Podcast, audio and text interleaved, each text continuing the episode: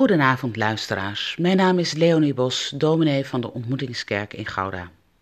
Ter bemoediging in deze onrustige tijden lees ik u elke avond de dagtekst van het NBG en daarna een gebed. Vandaag was het zaterdag 26 maart.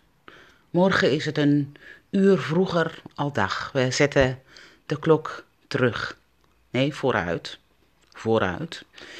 En uh, de tekst vandaag komt uit Jesaja 25. En daar staat, op deze berg vernietigt God de sluier waarmee alle volken omhuld zijn. Het kleed dat voor alle volken bedekt. De lichtval van de avond, de naderende nacht, hult alles in zijn schaduw. Maar ik houd hier de wacht. Een kind dat vol vertrouwen dat ene licht ontsteekt en, door het hoog te houden, het donker tegenspreekt.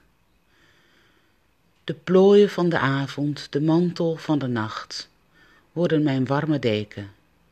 Ik lig alleen en wacht. Zal straks mijn vader komen, vertelt hij in mijn oor, waarover ik mag dromen. Spelt hij de dag dan voor, waarop, zonder gevaren, ik met een adder speel. De leeuw het lam met liefde, zijn wijde wereld deelt. Nu mag de slaap mij dekken, mijn ogen zijn al zwaar. Straks zal Gods stem mij wekken, zijn licht wordt zonneklaar.